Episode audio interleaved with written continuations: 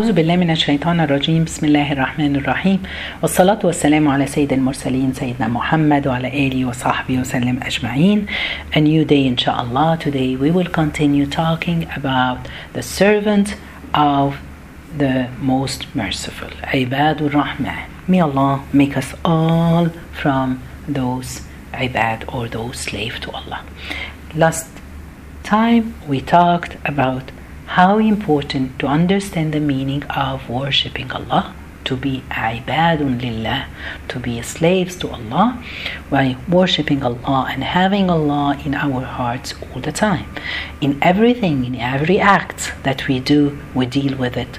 It's just for Allah subhanahu wa ta'ala, remembering Allah.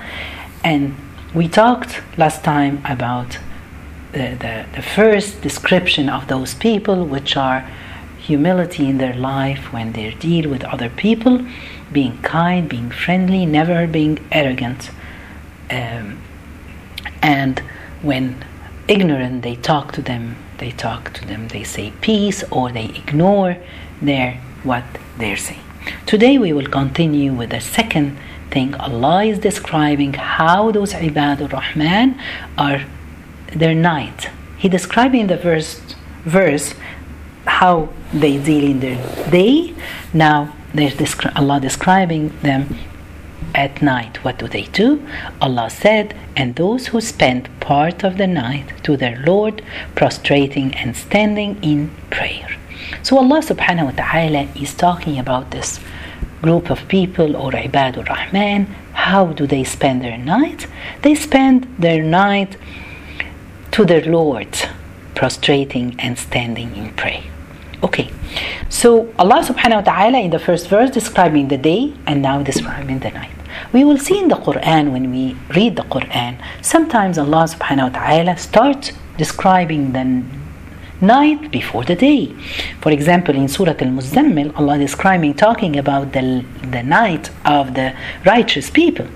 And then it comes the Surah Al Muddathir, right behind after it, Allah is talking about the day of the righteous people. So, and sometimes when Allah subhanahu wa ta'ala in Surah Al-Duha, He's talking about the Prophet, peace be upon him say about the Duha, the day before the night. So, is there a difference between this and that?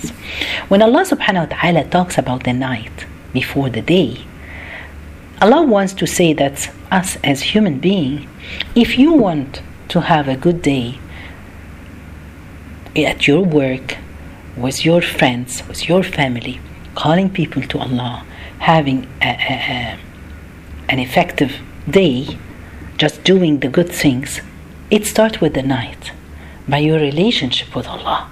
So, if you have to wake up at night, so Allah subhanahu wa ta'ala bless you, bless all your work or what you do during the day. But when Allah subhanahu wa ta'ala, the same, when Allah subhanahu wa ta'ala talk like here about the day before the night, Allah subhanahu wa ta'ala wants to give us the message that the night is if you're lucky and you will wake up the night for the night prayer, that's because what you have done during the day, you deserve to be among those people who wake up at night and stand in front of Allah subhanahu wa ta'ala. So does it mean that we're not going to commit any sins during the day? We try our best, subhanallah. But we all do sins. We all commit things. We all sometimes make people angry from us or uh, we did mistakes. That's okay. Allah is the most merciful, and that's why Allah chose the word Ibadur Rahman because He wants to erase our sins, He wants to forgive us, the most forgiver the most merciful. So, either or, subhanAllah, the day before the night or the night before the day, both. This one it leads to a better night, the day leads to a better night, and the night leads to a better day. So Allah subhanahu wa ta'ala at the end wants to tell us that if you want to be from the slave of the most merciful, work hard during day and night to please Allah, to be close to Allah subhanahu wa ta'ala. Then Allah subhanahu wa ta'ala here started with prostrating and standing in prayer. But usually when we pray, we stand and then we prostrate. So some of the scholar they said, Subhanallah, because Allah he was describing those people during their day in the previous uh, ayah or verse, Allah they and Allah was talking about humility in their life, how they are. So the most situation in your praying that you feel this humility when you are in prostrating, you put you're humble. What is more humble position in sujood? Subhanallah. And the next verse is a dua. And the sujood is the best position for dua in the middle of the night. So Allah subhanahu wa ta'ala is describing these two things. Let's talk a little bit about the Qiyam al-Layl or the night prayer.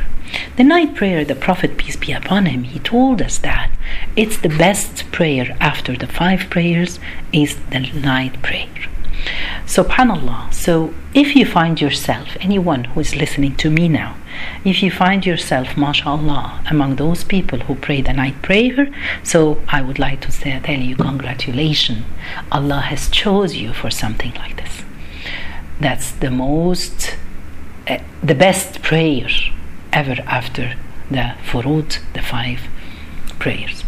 And the second thing, subhanAllah, if you are not among those, make dua to Allah. Ask Allah. Let's ask Allah now together.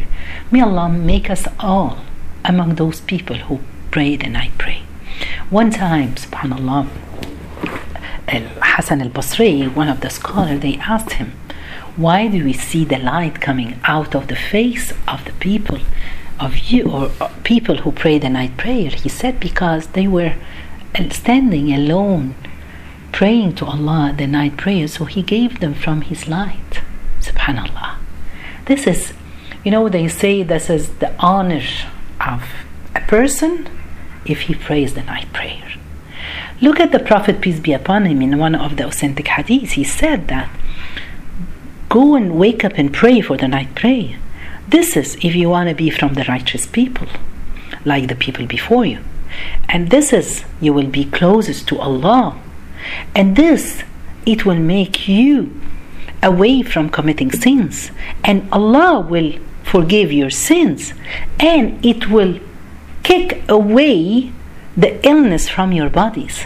And subhanallah, lilda'i wal jasad, subhanallah, which means kick away the illness. And we all suffer from illness. We have problems. Wake up for at night. Subhanallah. Sometimes you're sick and ill and wake up and you cannot sleep even. Wake up and pray to Allah subhanahu wa ta'ala. Ask Him. Because that's the best time. Every night Allah subhanahu wa ta'ala come down to the uh, uh, heaven and ask Allah, ask us, is there anyone who wants to ask me something, I'll give it to him. Make dua. Is there anyone wants to repent, I will accept his repent. Is anyone want to make istighfar, I will accept his istighfar. Subhanallah. So that's the best time. We should work hard to be among those people. Listen to a story of one of the righteous people. His name was Sila ibn Ashyam. He was a soldier in the army. They say his days he's a very strong soldier. He's, and at night he's just standing praying to Allah. They describe when he during the day he puts on the clothes of the war and put up his finger up and say, Oh Allah, your victory. Oh Allah, your victory. Oh Allah, your victory. One of the the commander of the or the chief, uh, the commander of the army he said wallahi the finger of sila is much better for me than a thousand soldier. Because he knew that this person when he makes dua to Allah Allah will accept it. Because he was he's sincere. And he has a great relationship with Allah at night. One of his friends, he said that I knew that he has special relationship with Allah, so I wanted to learn. Every day when the whole army sleeps, he wakes up at night, uh, you know, tippy toe, going away by himself, making wudu, and then put up his hands and ask, talk to Allah. Oh Allah, Now it's the time for everyone to be with his beloved one. And now I am with you. You are my beloved one. Oh Allah, I don't have anything more expensive than this dress that I bought it. I'm wearing it just for you because you're my love. Subhanallah, look at the words he's saying. We all know that, you know, in this dunya, when you love someone, when the people or uh, poet when they write any poems they talk about love and it's night and you know it's the uh, it's the best time to, to, show your love to other people. It's at night.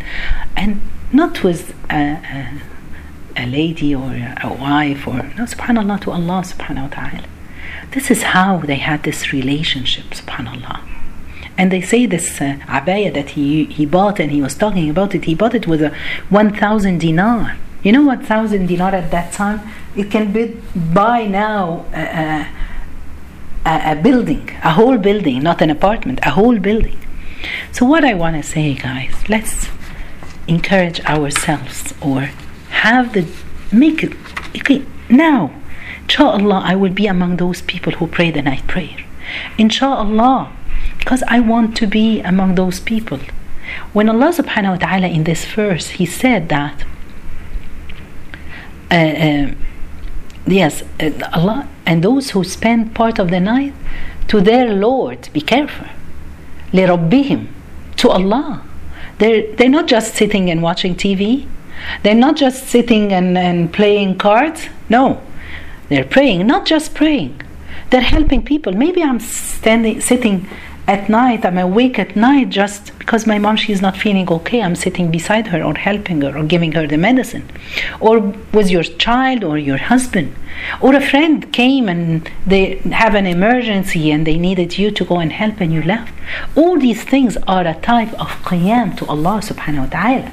So not just by praying this is one thing but helping other people. So you're doing it just for your lord to rabbin to, to allah subhanahu wa ta'ala Okay? And then after that, the next verse, they making dua to Allah. And those who say, Our Lord, avert from us the punishment of hell. Indeed, its punishment is ever adhering. Subhanallah. So those people, the humble people, the, the people uh, that Allah is talking about them, the people that are praying their night prayer all the time, they still see their work, what they're doing, the kind of worshiping to Allah, it's not enough. And this is a very important point that we have to stop at. Sometimes when you do something good, in your ibadah or even at work, you help someone, you feel from inside that you're happy what you have done. That's great. And it goes little bit of little bit of arrogance into your heart. Be careful. This, those are not ibadur rahman. So what do they do? Ah, no matter what they have done, they worship Allah properly. They do. They give sadaqah. They give zakah. But still, feeling that they didn't do enough. So Allah, we need to ask you because we will go to paradise with your forgiveness, with your mercy. So those who say to our Lord, avert from us the punishment of hellfire, as if avert put it away as if they're feeling that you know the hellfire is coming or the fire is coming towards them so they want to push it away from them. We don't want it. Even we don't want subhanallah then the next verse allah he's they're saying in their dua indeed it's it's evil as a settlement and residence settlement and residence, subhanAllah, even we don't want to be there forever, and even by passing by. You know, when someone is traveling or so, when they're on the way, a place to chill, a place to calm down a little bit, you know, if you're walking somewhere. No, they're asking Allah, eh, we don't want it. Make the hellfire away from us. May Allah subhanahu wa ta'ala protect us from hellfire. Then those ibadullah, we move to the next thing that they have, and they are those who, when they spend, do so not excessively or sparingly, but are ever between that. justly moderate. So Allah subhanahu wa ta'ala moved to another part that how they live their life, how do they spend? What are their habits in spending? If I ask you now, what's your shopping habits? I can see the smile. Subhanallah, a lot of us we have problems now with shopping or the habits of shopping. You know, uh, with having those credit cards, with having those big uh, uh, shopping malls. So we go, even for walking or just buying, we need to buy one small things. You come out with buying, subhanAllah, tons of things and saying, I don't know how, why did I spend that much? Why did I pay that much? Because you bought that much. This is one thing. And sometimes because they have sale. So we just go and buy things because they are on sale. I don't need them now. But then you say, oh, but they are on sale. The good bargain. Yes, even though if they are like this, if I don't need them, don't get them. So those are bad habits that a lot of us are doing it. So uh, they wouldn't spend too much, but they can afford it. I can afford it. I know sometimes it's overpriced, but I will find a better place, a better deal.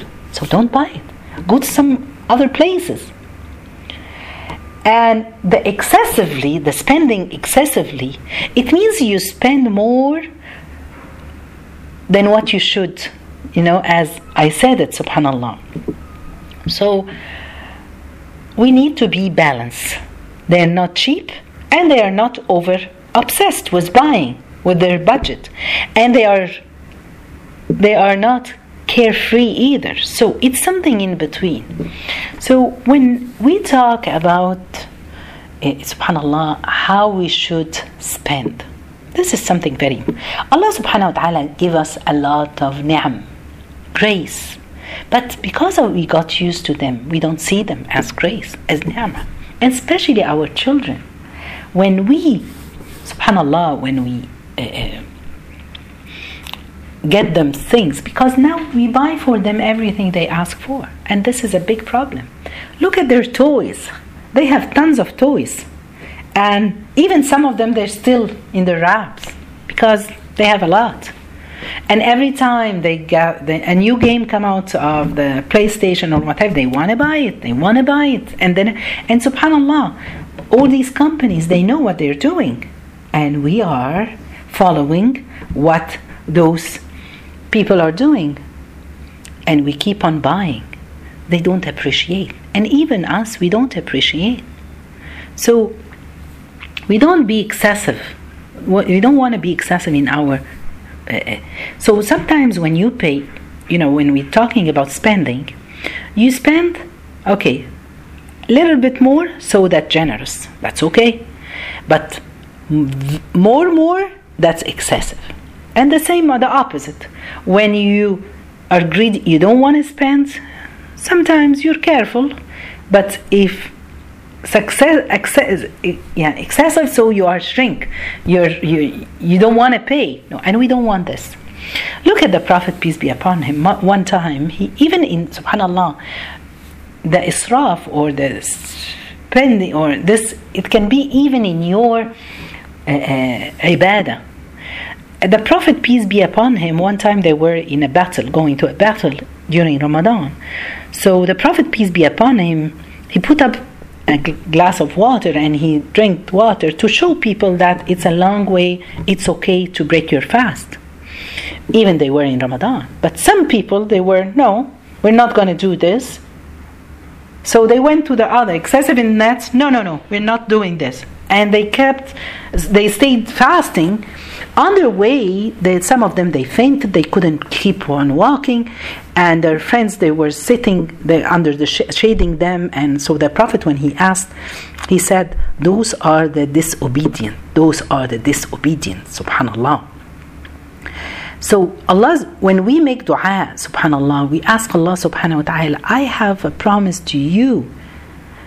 If i can so if you can do things do it if you cannot don't do it don't go excessive Okay, so a question that a common question that a lot of people ask, okay, if I can afford I'm mashallah, I'm wealthy, or I have. Can I buy brands?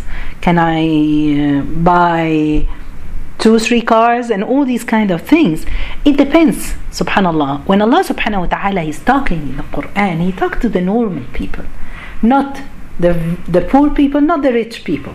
So the rich people, if you have enough, but be careful. Are you giving, paying your zakah? Are you giving charities? If you're doing all these things and you have more, that's okay. Allah likes to have the Muslim to be, you know, a, a, a nice looking and having, you know, that's okay. But for example, if a person he earns, uh, uh, let's say, ten thousand a month, and he spends fifteen thousand, no, that's too much. That's excessive in what he's spending. Because a lot of us nowadays we, we live on the credit cards. We don't have what we keep on always in debt.